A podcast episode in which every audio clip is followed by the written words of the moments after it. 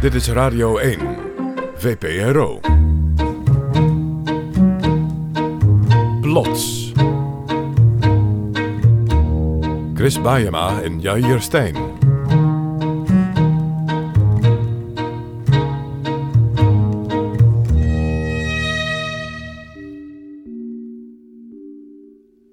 Chris, Ja, hier. daar zitten we weer. Ik heb Ja. een beetje een déjà vu. Ja, we zitten weer met z'n tweeën. En we gaan ook terug naar een verhaal waar we het ook al eerder over hebben gehad. Een verhaal van drie jaar geleden, denk ik. Ja, het was onze derde aflevering, Weldoeners, 2010. Ja, dat begon ermee dat ik een keer op de radio verteld had dat mijn fiets totaal los was gereden. En een paar dagen later vond ik een briefje in mijn bus, geschreven door ene Jan. En die schreef dat hij mij een vervangend rijwiel aanbood. Kreeg sleuteltjes en er stond voor mijn huis een nieuwe fiets. Toen jij hem eh, leerde kennen, was het een soort sprookjesfiguur in eerste instantie. Ja, ja, ja. Je ging met hem schrijven. En toen bleek al gauw dat hij het syndroom van Asperger had, vorm van autisme. En dat hij de vreemdste dingen deed. Hij leek een soort, ja, had een voorliefde voor objecten die voorgoed kwijtgeraakt leken te zijn. Die spoorde hij dan op en probeerde ze weer terug te geven aan de oorspronkelijke eigenaar. Ja. En hij schreef ook dat hij niet echt contact kon krijgen met de mensen. En soms waren de ontvangers wat hem betreft ook niet dankbaar genoeg. Ja, hij raakte eigenlijk steeds meer in de war. En op een gegeven moment kreeg je een brief van hem vanuit de psychiatrische inrichting. Jarenlang heb ik met zorg stukjes van mezelf afgesneden en cadeau gedaan aan iedereen, ongeacht wie. En nu is er even niets meer over. En vlak voor de uitzending, weet ik nog, Ja, kreeg ik een allerlaatste brief van hem uit de gevangenis. Levenswanhoop dreef mij op een avond naar een duister snelwegviaduct, waar ik, na de voorbijsnellende voertuigen met straatstenen bestookt te hebben, door politiemensen werd weggevoerd. De tijd van geven was voorbij. dit is eigenlijk waar we toen gebleven waren. Later volgde er een rechtszaak. Hester Heijten volgt de zaak. Hester, is al bekend waarom die man dat deed? Ja, nou ja, als je hem eh, de rechtszaal in zag lopen vandaag, dan eh, weet je het eigenlijk ook al wel. Want het gaat om een zwaar depressieve man, die ook nog eens autistisch is en een eh, eetstoornis heeft. Hij heeft een tijd lang alleen maar appels gegeten. Dus hij ziet eruit als een hele ongelukkige en breekbare jonge man. Ja, ik heb na die rechtszaak nog geprobeerd contact met Jan te krijgen, maar ik heb niets meer gehoord. Ehm, totdat ik vorig jaar in de zomer een bericht kreeg van zijn vader, een e-mail. En die lees ik even voor. Een treurige mededeling. Aan het eenzame leven van onze lieve zoon en broer is door eigen verkiezing op 32-jarige leeftijd een einde gekomen. Eindelijk vrij. Ja, vreselijk. En je besloot uiteindelijk om een vervolg te maken op het verhaal. Ja, want het bleef zo in mijn hoofd zitten dat ik toen dacht, ja, maar ik zou gauw, zo graag willen weten of er mensen zijn die hem beter hebben gekend, die hem beter begrijpen of Ja, want jij had hem nooit ontmoet, toch? Je had alleen maar met hem Nee, gecorrespondeerd. alleen maar met hem gecorrespondeerd. En ik was zo, ja, hoe is het zo ver gekomen? Dit is Plots, met wonderlijke ware verhalen rond één thema. Thema vandaag, Chris. Het vervolg. Voor onze laatste uitzending gaan we terug naar bijzondere mensen die we eerder portretteerden in Plots, mensen wiens levens sinds de uitzending enorm zijn veranderd. Blijf luisteren.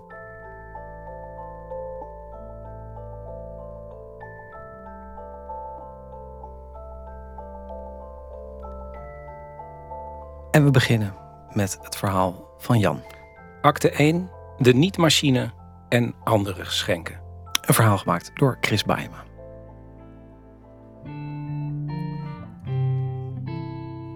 Begin dit jaar zoek ik allereerst contact met de vader van Jan.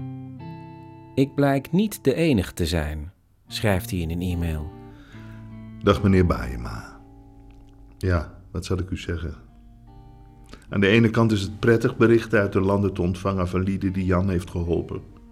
Aan de andere kant vervult mij dit met nostalgie. Voor mij is Jan in de afgelopen tien maanden niet meer doorlopend in mijn gedachten geweest. En iedere keer dat er opnieuw iemand zich bij me meldt met een mededeling over Jans hulp, komt Jan opnieuw in mijn gedachten. Plezieriger zou ik het vinden dat ik niet meer redelijk doorlopend met vragen over Jan word geconfronteerd.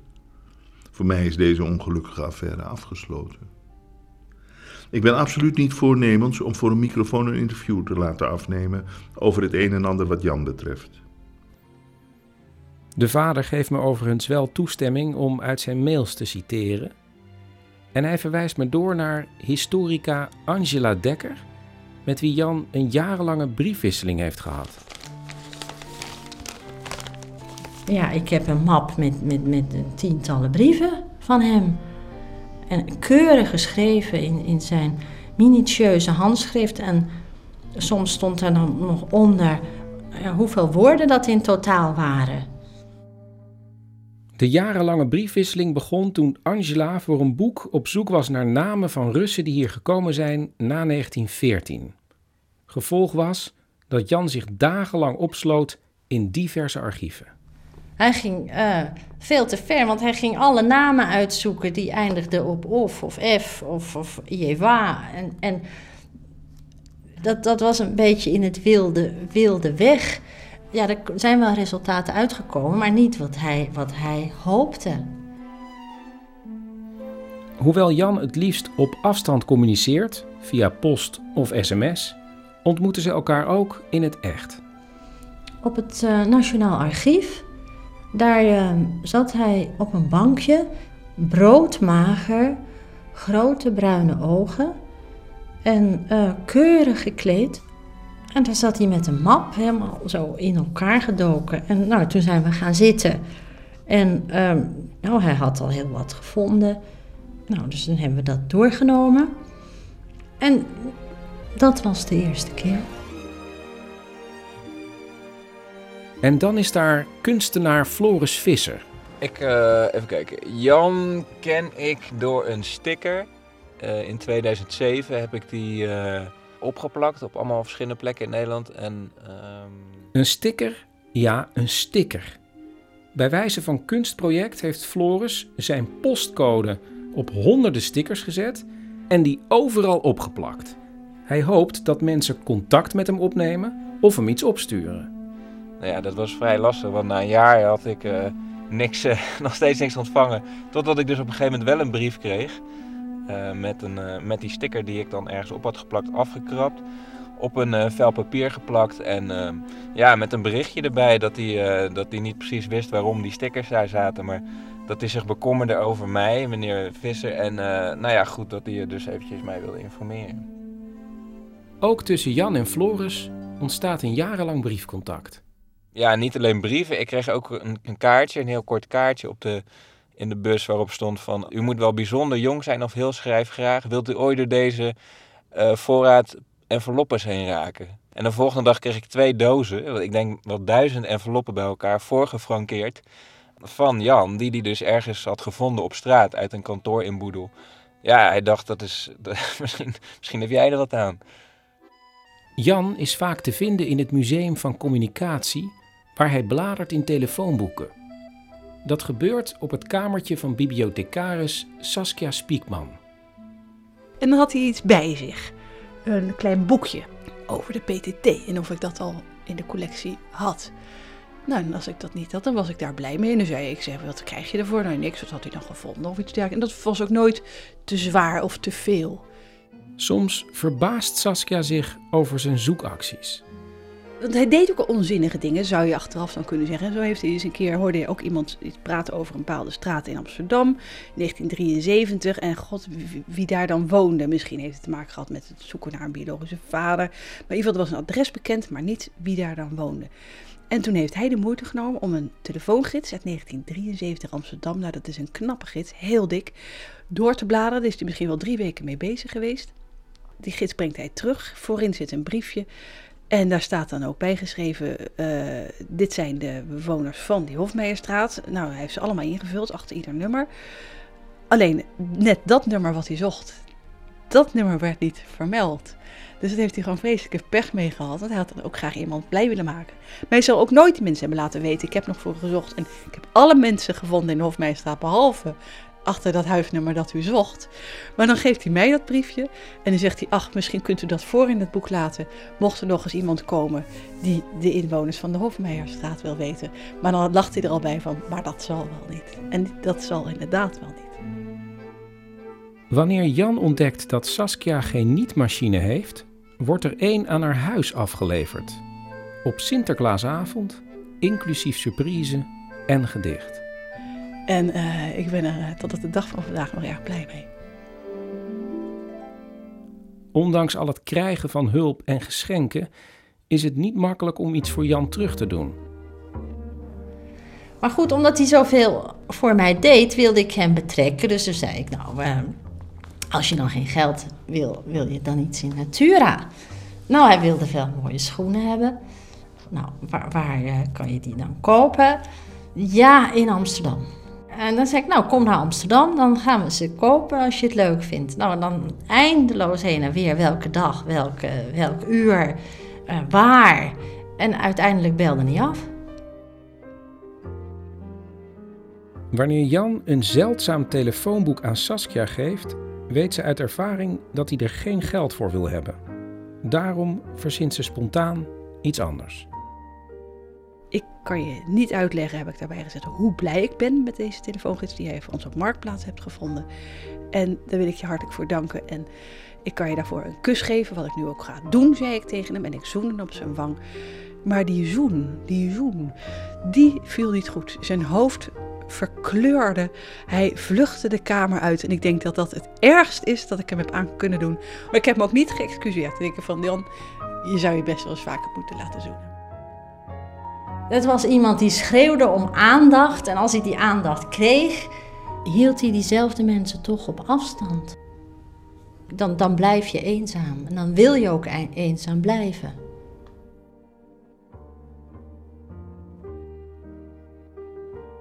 Toen met kerst was daar opeens een kaartje in de bus. Met daarop getekend een getralied raam. Met een hand daaruit. Maar dan was, stond erbij zo vanuit de gevangenis. En dat was zo bizar dat ik het ook gewoon niet kon geloven. Jan in de gevangenis, dat kan toch helemaal niet waar zijn.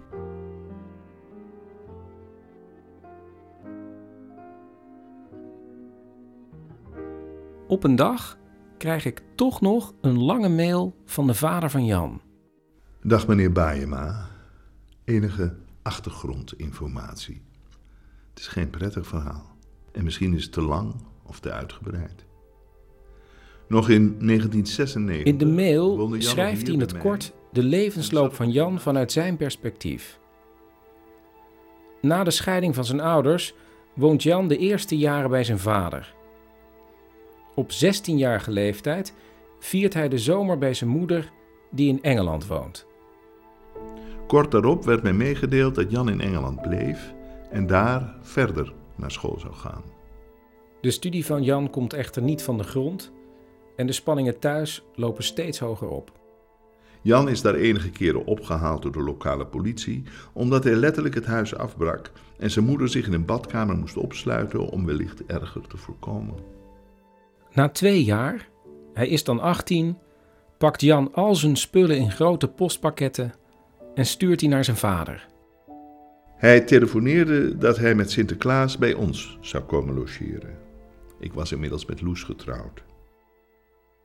Toen Loes die avond uit haar werk thuis kwam, zat Jan al geruime tijd als een nat dood vogeltje in de voortuin te wachten.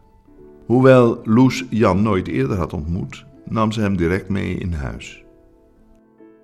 Ook bij zijn vader gaat het weer mis. Jan nam het huis naadloos over en gedroeg zich alsof het zijn huis was en hij de gedragsregels opstelde. Na omstreeks drie weken opnieuw en ook hier met heftige ruzies heeft Loes hem het huis uitgewezen. Jan vindt een slaapplaats bij het leger des heils. Sinds dat hij daar woonde, hebben wij Jan spaarzaam of in het geheel niet gezien.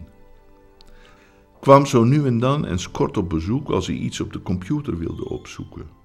Hij was dan stil, vriendelijk, afstandelijk, maar altijd welkom. Hij zag er meestal heel bleekjes en extreem mager uit. droeg zomer en winter een winterjas en schone, maar zeer versleten kleding. Door ons aangeboden hulp om nieuwe kleding aan te schaffen, werd Boos afgewezen. In de jaren daarna raakt Jan steeds meer in de war. Een binnenkomend telefoontje van hulpverlener Parnassia. Of ik Jan wilde komen halen in de stad en hem bij de spoedopname van die psychiatrische inrichting wilde afleveren. Jan was duidelijk in de war, kon alleen maar huilen. Jan gaat in en uit de inrichting, kent zware periodes, maar woont uiteindelijk weer op zichzelf in de stad. En dan op een dag belt zijn bovenbuurvrouw met de vader van Jan. Ze heeft hem al een week niet gezien. Hij is spoorloos. Een week daarvoor hadden wij in de krant gelezen dat er op een viaduct over de Utrechtse baan in Den Haag een verwarde man van 30 was gearresteerd die stoeptegels op het onderdoorrijdende verkeer wierp. En wij dachten, dat kan onze Jan toch niet zijn? Zoiets doet hij toch niet? Of wel? Ja, dus wel. Jan krijgt een gevangenisstraf en wordt overgebracht naar een TBS-kliniek in Almere. Nou, daar moest je je geen soort van ziekenhuis bij voorstellen hoor. Gewoon een gevangenis met alles wat erbij komt, deuren op slot, monitor in de cellen. Ook daar gaat het weer mis. Hij maakt spullen kapot, verwondt zichzelf en valt andere gevangenen aan. Dan werd hij weer opgevangen door de staf en in isolatie platgespoten. Tot het resultaat dat hij zich gedurende een vrijdagnacht aan zijn eigen beddengoed ophing.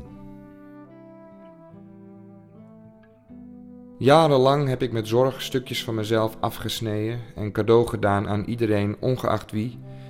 En nu is er even niets meer over. Met veel dank voor uw aandacht verblijf ik zo, met lege handen en een leeg hoofd. De familie denkt dat op de crematie van Jan een paar mensen zullen verschijnen. Misschien wat naaste familie en buren. Maar dan, op de dag zelf, verschijnen als vanuit het niets tientallen voor de familie onbekende mensen. Die allemaal door Jan blij gemaakt zijn met brieven en geschenken.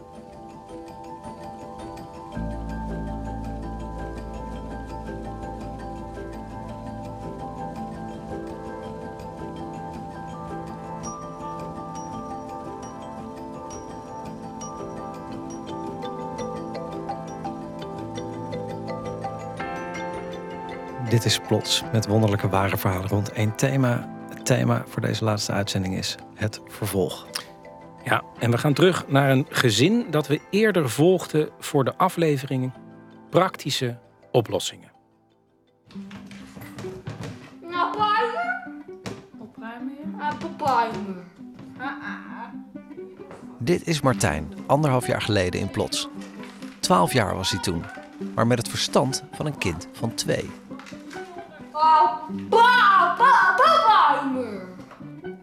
Martijn heeft een ontwikkelingsstoornis en kan extreem druk zijn. Omdat hij vaak epileptische aanvallen heeft, kun je hem geen moment alleen laten. En dat vraagt best veel van de ouders van Martijn. En ook van zijn zussen, die soms op hem passen. Martijntje, even stil. Asiel. Asiel. Meestal is Martijn echt een heel lief kind, maar soms is hij wat drukker en dan kost hij gewoon wat meer aandacht. Dit is Malou, de oudere zus van Martijn. Eh, papa kan daar niet tegen, die, die wil zich daar dan tegen verzetten. Die wil dan dat Martijn niet druk is. Martijn, hou nou eens even je kop, man. Strontziek van. Maar op een dag had vader Hans een idee. Hij sloot zich op in zijn atelier en kwam naar buiten met een houten doos met een gleuf erin. Het ei van Columbus was de brievenbus. Dat was dus gewoon een gouden greep, gaf ons rust. Hij was met iets bezig, werd er ook rustig van. En dan echt werkelijk super autistisch, 150 kaarten. En als alle 150 erin zat, alles weer eruit, dan begon hij van voren af aan. En dat deed hij soms 6, 7, 8, 9 keer achter elkaar door. Vaak kwam hij thuis en zei posten, posten.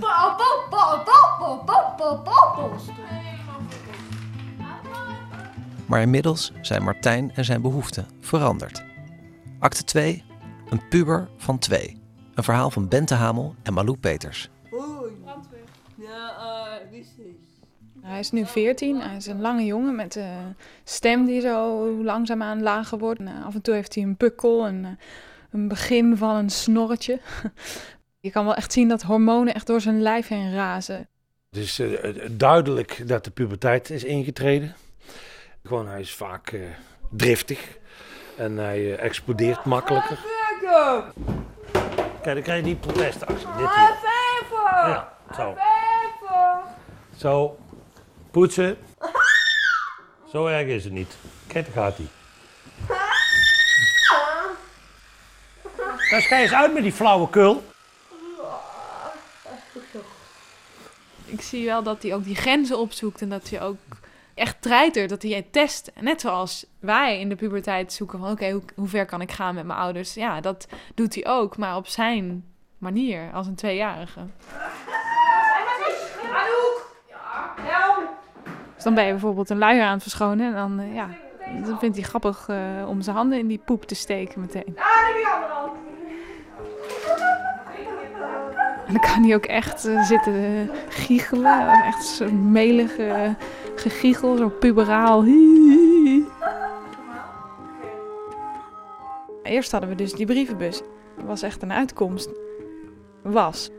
Op een gegeven moment, eh, na twee, drie, vier jaar zeg maar, eh, frequent gepost te hebben, eh, was dat een half jaar geleden, eh, keek hij er niet meer naar om.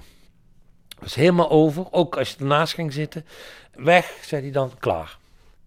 Ja, dat valt wel even tegen. Want dan moet je dus wel voortdurend met hem iets ondernemen.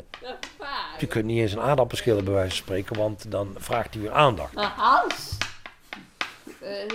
Dan is het ook nog zo, Martijn is inmiddels bijna net zo groot als ik. En eh, hij kent zijn eigen krachten ook niet. Dus eh, bijvoorbeeld laatst, toen kwam papa thuis en toen was Martijn zo enthousiast dat hij eh, op het keukenraam begon te timmeren. En toen sloeg hij dus uit puur enthousiasme in één keer het keukenraam kapot. Ja, slaat hij gewoon slaat hij door, een ruit heen. Gewoon, dan komt er zo'n ruit en dan eh, baba, bang, klets. En wat heel opmerkelijk is, dit is zo'n eh, zo'n flitsende, bijna karate-achtige klap die hij uitdeelt. Dus de ruit is aan het diggelen en hij heeft niet eens een schammetje. Maar Martijn heeft ontzettend veel energie die hij kwijt moet. Met posten kon hij echt bezig zijn. Zonder brievenbus, ja, dan is hij eigenlijk aan het zoeken naar manieren om zijn energie kwijt te kunnen. En ja, dat werkt soms niet zo goed met eh, papa samen. Er zijn momenten, dan ben ik hem, dat zeg ik ook gewoon heel eh, liefdeloos, dan ben ik hem kotsbeu. Een half uur later is dat weer over. Maar dan even niet. Want dan wil ik eigenlijk even een kwartiertje niks. En zelfs voelt hij dan aan dat je eigenlijk geen ruimte voor hem hebt. En dan krijg je hem kwadratisch op je brood. Ja, daar wordt het ook niet echt gezelliger van met die twee eh, in gevecht. Dus ja, die brievenbus die werd op een gegeven moment wel gemist.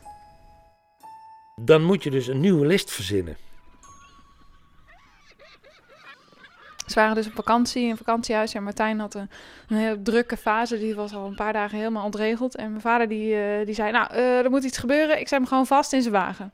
Dus speciaal kinderwagen voor kinderen met bewegingsonrust en epilepsie. Oerdegelijk kunnen kinderen tot 70 kilo in. Er zitten dus van die riemen in waarmee je hem kan vastbinden. eh, over zijn armen en zijn, bij zijn benen. Ik zeg, Bernadette, ik zet hem gewoon het wagentje vast en ik sla die wielen gewoon met eh, een paar tentharingen gewoon hier in, eh, in, de, eh, in die tuin, in het gras. Riempje vast, zitten, kijk maar naar de vogeltjes. Nou ja, daar zit hij dan, eh, Martijntje, vastgebonden in zijn wagentje. Hij vond dat een verademing. Nou, vader heeft gewoon de wielen van die wagen afgehaald en dat hele ding op een zware plank geschroefd. En eh, nog een mooi rood tapijtje op, eh, op die plank getimmerd. Nou, lekker zacht, dan kan Martijn met zijn blote voeten erop zitten. Nou, dat staat nu in huis. Ja, die stoel is eigenlijk voor Martijn een plek waar hij vastgebonden kan zitten. En dat klinkt dan een beetje cru.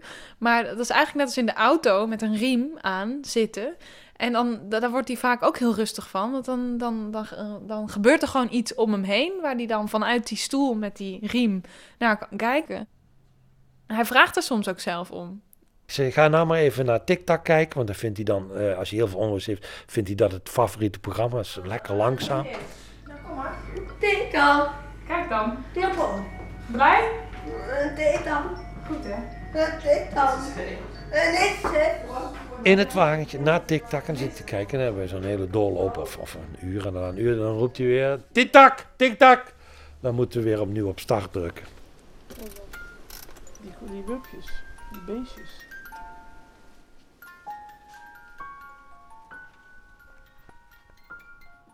Soms dan maak ik me wel echt zorgen om eh, Martijn. Zoals afgelopen winter, toen werd hij steeds magerder. Tot op een gegeven moment dat hij nog maar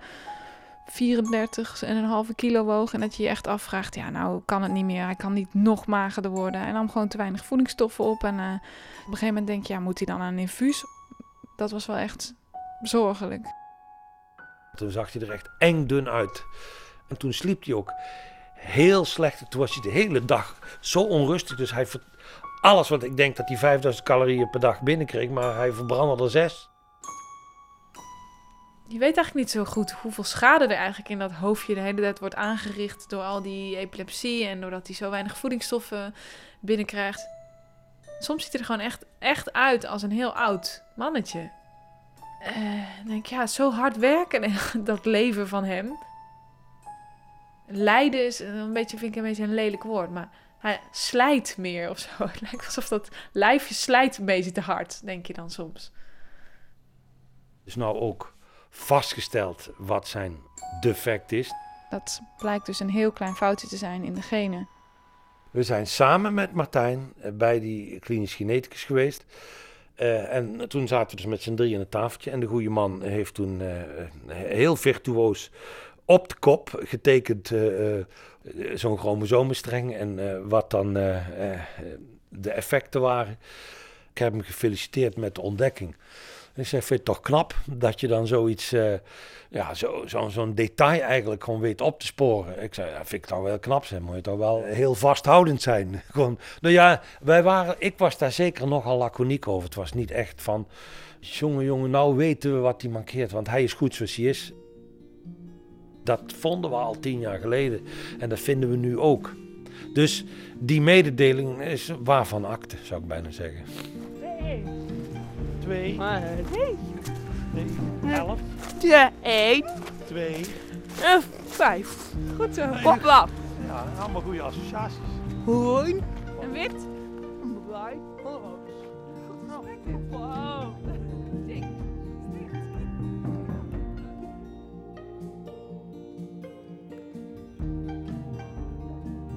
Voor deze allerlaatste plots zijn we teruggegaan naar mensen die de hoofdrol speelden in eerdere uitzendingen. En in het komende verhaal is dat een jongen die we Sander noemen en die we kennen van de uitzending Lief Dagboek.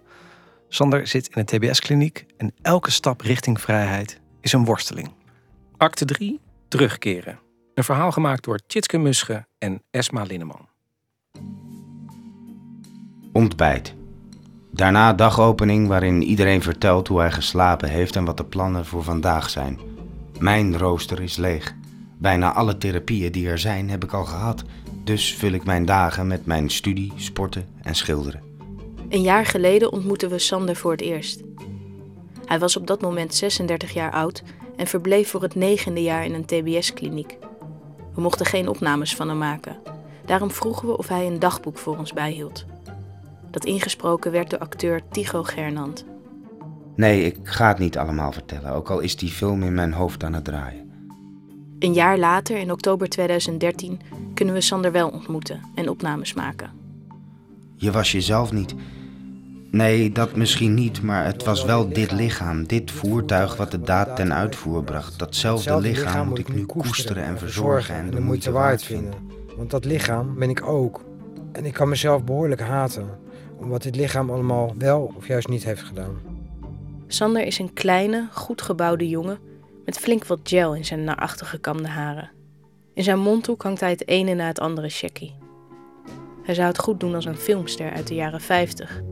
Ja, als kind was ik ook eh, gewoon een heel lief mannetje. En eh, Die, die gasten die, eh, die stampten dan allemaal mieren plat en zo. En ah, mieren plat. ah. Dan kwam ik, nee, niet doen, nee, zielig, weet je wel. Oké, durven jullie wel? Zijn felgroene ogen twinkelen, maar kunnen ook plotseling iets sombers krijgen. Tien jaar geleden raakte Sander in een psychose. In die toestand kwam hij op het station in Rotterdam een zwerver tegen. Sander had een mes bij zich en stak de man dood. Hij kreeg twee jaar gevangenisstraf opgelegd en TBS met dwangverpleging. Vorig jaar schreef Sander in zijn dagboek dat hij het gevoel had dat hij het leven niet waard was. Als ik kijken van, eh, als, ik, als ik mijn dagboek eh, lees, dan eh, zie ik soms hoe, hoe slecht ik aan toe ben. Nu, een jaar later, werkt Sander hard aan zijn terugkeer in de maatschappij. Hij heeft veel meer vrijheden dan vorig jaar. Zijn bachelor psychologie is afgerond. Hij gaat regelmatig naar de sportschool en werkt twee middagen onder begeleiding in een garage. Hij schrijft en hij schildert in een atelier buiten de kliniek. Ogenschijnlijk leidt Sander een normaal bestaan. Maar hij woont nog steeds in de TBS-kliniek. En alle mensen die hij ontmoet, moet hij laten screenen. Dat betekent dat hij direct moet vertellen wat hij gedaan heeft. De kliniek belt die mensen dan op om te checken of ze op de hoogte zijn. Dat is voor zowel hun eigen veiligheid als die van Sander. Sander wil hier vanaf. En daarom vraagt hij om beëindiging van zijn TBS. U bent geboren 30 december 1975 in Rotterdam. Dat klopt. Eind oktober mag Sander zijn verhaal doen voor de rechter. Ja, daar, er zit gewoon een stigma op. Ja, ik vind dat heel moeilijk om dan zeg maar eh, tegen zo iemand te zeggen van... nou, goh, hm, ga even zitten, want voordat we wat gaan drinken wil ik je even vertellen... Ja, dat voelt gewoon niet prettig. Ik heb dat gedaan tien jaar geleden, maar ik ben meer dan mijn delict. Wij trekken ons terug in raadkamer. Sander wil graag meer vrienden buiten de kliniek maken. Maar dat is niet altijd makkelijk. Ik had laatst ook een, een eh, meisje wat ik eh, ken van de Open Universiteit... waar ik samen een practicum mee heb gedaan. En eh, ik had haar gebeld. Ik zeg joh, goh, vind je het leuk als ik een keertje naar Zwolle kom... en zo, dat we afspreken en zo, gezellig. Ja, zei zo in eerste instantie, nee, dat vind ik wel goed. Ik zeg, nou, oké, ga, ga zitten, want ik ga je nu wat vertellen. En nou ja, dus ik dat hele verhaal vertellen. Ik dacht van, nou, ik ga het nu ook gewoon echt goed vertellen. Dus echt zo, zoals het gebeurd is, weet je wel. Dat had ik misschien beter niet kunnen doen. Ja, zij reageerde zo, oh ja, oké, ja, nee, ja, nou, ik ken je al langer en eh, nee, dit is voor mij niet eh, een reden om eh, niet met je om te gaan en zo. Dus eh, ik vind het wel goed. Laat me maar screenen en toen, een dag later, toen sms hem van ja, ik heb er met mijn vriend over gehad en die had gezegd van... dat ik het al zo druk had en dat ik al bijna niet mijn eigen sociale contacten kon onderhouden. Dus eh, wil ik er nog even over nadenken. En toen heb ik dus teruggestuurd van, nou ja, eh, tuurlijk, tuurlijk mag je erover nadenken. Ik heb het trouwens over eens in de vier maanden een keertje een kop koffie. Maar goed, weet je wel. En toen eh, heb ik dat opgestuurd. Ik heb verder niks meer gehoord. Ik denk ook niet dat ik verder nog iets hoor. Want op een gegeven moment ga je dat wel aanvoelen. Weet je wel, wat mensen wel en niet echt menen. U plaats. De rechtbank sluit het onderzoek en heeft de volgende beslissing genomen. De rechter besluit dat het verstandiger is als Sander eerst zelfstandig op een flat op het terrein van de kliniek gaat wonen. Dit om de kans op terugval te verkleinen. Een van de redenen waarom Sander nog iets langer in TBS moet blijven, is dat hij worstelt met zijn seksualiteit. Dat maakt hem instabiel volgens zijn behandelaars. De ene keer denkt hij dat hij homo is, dan valt hij weer op vrouwen. Maar soms gaat het verder. Ik heb gewoon ideeën soms in mijn hoofd. Bijvoorbeeld dat ik vrouw wil zijn opeens. En dan zit het in mijn hoofd en dan ben ik daar een paar dagen mee bezig. En dan zit ik helemaal te denken van hoe ga ik dat dan doen en hoe moet dat dan? En, eh, ik, heb, ik heb in het verleden wel geëxperimenteerd. En dan heb ik ook wel eens een keertje met een jurkje aangeslapen. Ik dacht van nou, ik word nu gewoon vrouw. Ik slaap in een jurk en dan word ik wakker s ochtends en dan heb ik meteen al jurk aan. Ja, weet je wel. En ik werd wakker en ik kijk en nee, en ik mo- moest meteen uit, weet je wel. Die onzekerheid, dat je dan denkt van dat je ergens een punt achter hebt gezet, maar dan is er toch nog een ruimte voor een bepaalde twijfel, zeg maar. Er is altijd een risico dat Sander een terugval krijgt en misschien weer in een psychose komt en de fout ingaat. Te veel prikkels blijven gevaarlijk voor hem. Met mijn verjaardag was ik eh, in Groningen was ik naar het museum geweest. Met mijn moeder. En eh, ik sta daar naar een schilderij te kijken en ik word opeens helemaal raar in mijn hoofd. Echt alles gaat draaien en zo, net of ik flauw viel of wat dan ook. Ik denk van, wat de fuck is er aan de hand, joh? Maar ondertussen heb ik dus geleerd van, nou ja, blijf gewoon wachten tot het overgaat, weet je. Ga geen dingen doen. Gewoon niet gaan freaken, gewoon niet bang zijn daarover. Gewoon eh, wacht maar, gewoon laat maar even... En, en dat, dat werkt ook wel. En ik heb ook wel zo nodig medicatie die ik kan gebruiken als het, als het niet goed gaat. Eind november komt het bericht dat Sander binnenkort mag verhuizen naar de zelfstandige flat.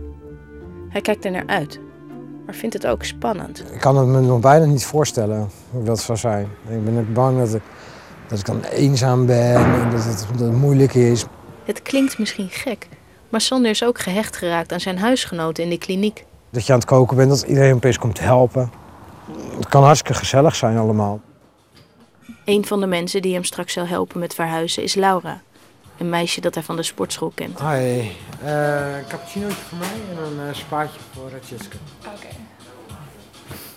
Dat is Laura.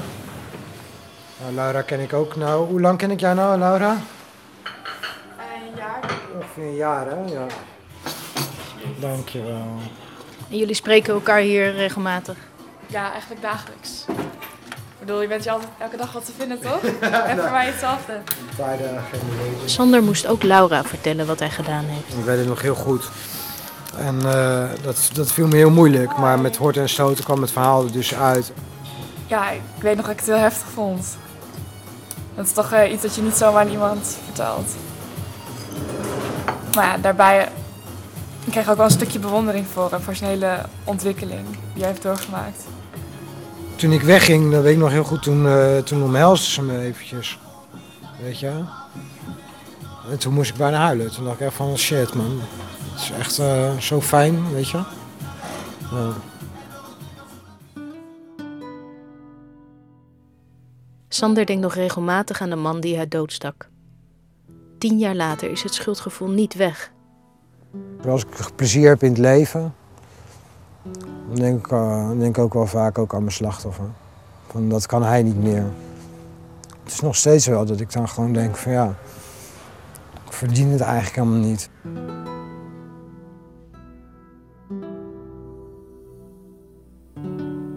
Binnenkort mag hij alleen naar zijn moeder in Rotterdam reizen. Dan moet hij langs de plek waar tien jaar geleden iemand doodstak. Laatst is hij er naartoe geweest met zijn psycholoog. Toen zijn we gewoon door de hal heen gelopen en uh, werd er af en toe aan me gevraagd hoe gaat het. En, uh, is alles oké? En um, moeten we even wachten, wil je even kijken, wat wil je rondlopen? Dat, ja, dat, was wel bijzonder ook. Uh, het is heel erg veranderd. En tegelijkertijd had ik heel erg een thuiskomgevoel.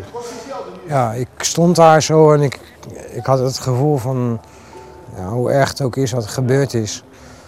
Dat, uh, dat Rotterdam mij wel vergeven heeft, zeg maar, wat er is gebeurd.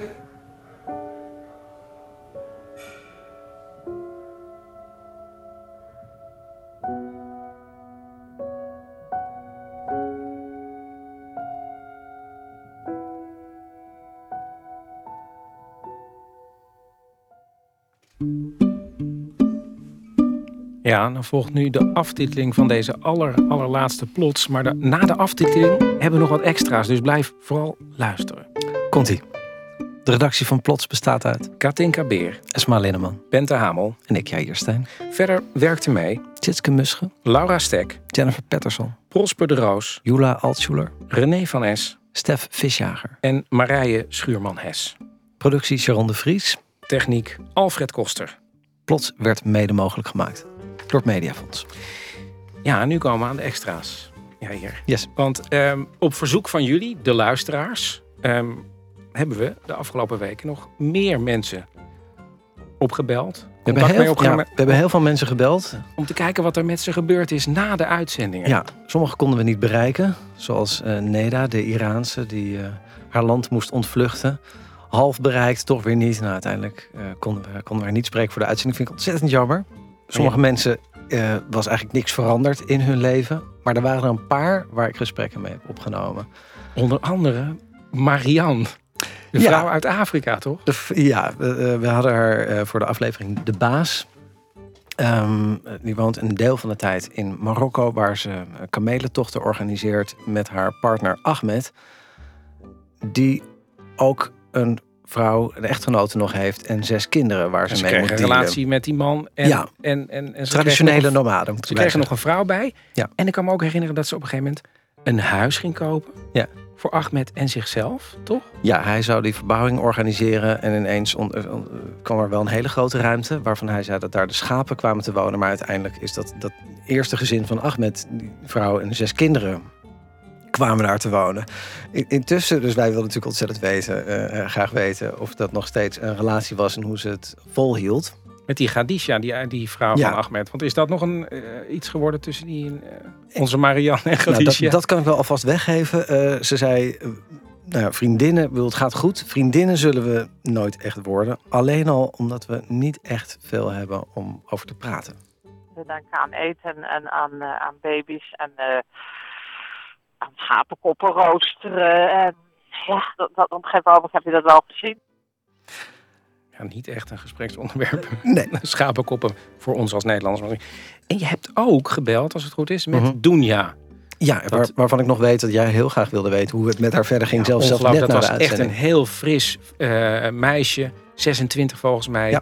En die ging trouwen met haar neef en wonen in Afghanistan. Ja, daar was ze geboren, sinds haar vijfde niet meer terug geweest. Eh, ze, ze ging terug, heel erg naïef en blijmoedig ging ze terug en dacht van nou, we gaan daar gewoon een geweldig leven opbouwen. Eh, we hebben haar gevraagd om een dagboek bij te houden voor de aflevering Lief Dagboek.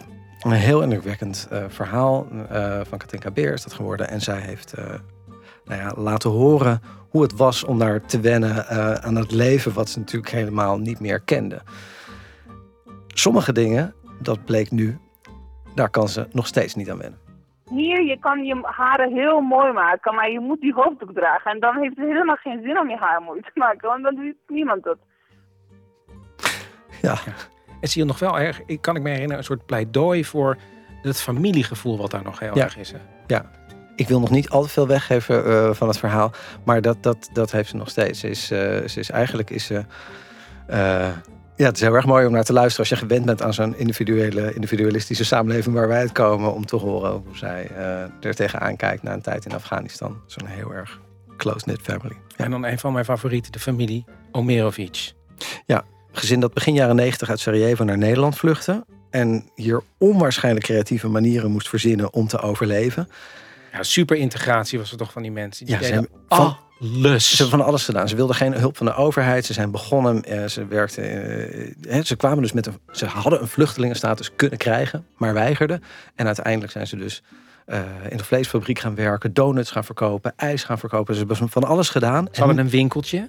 Winkeltje begonnen. Nou, dat, dat was het mooie. Uiteindelijk hebben ze zichzelf eigenlijk weer opgewerkt tot hun, eh, dat ze een oude status terugkregen. En net op het moment dat ze alles weer op het droog hadden eigenlijk, besloten ze om weer terug te gaan naar Bosnië. En toen we ze het laatst spraken, ehm, waren ze eigenlijk heel erg eh, gelukkig daar om, om gewoon weer terug te zijn. Nu heb ik Narcissa Omerovic gebeld, ook de dochter Enna Omerovic. Eh, Narcissa hoor je even, want eh, er was iets opmerkelijks. Ze twijfelde namelijk of ze echt wel moest vertellen hoe het nu met haar gaat. Misschien is het beter dat ik het gesprek kort houd. En ik zeg, ja, alles is fijn. Ik bedoel, we zijn gezond. Alles is goed. Dit was hem de allerlaatste. Ja, Ier, ik denk dat het heel belangrijk is dat je bij deze allerlaatste zegt dat mensen misschien nog contact met je kunnen houden. Ja. Voor het geval als we doorgaan. jair.stijn.gmail.com eh, als je op de hoogte wil blijven. En alle extra verhalen zijn te beluisteren op onze website www.vpro.nl slash plots. Heel veel dank voor het luisteren en al jullie prachtige reacties tot zover.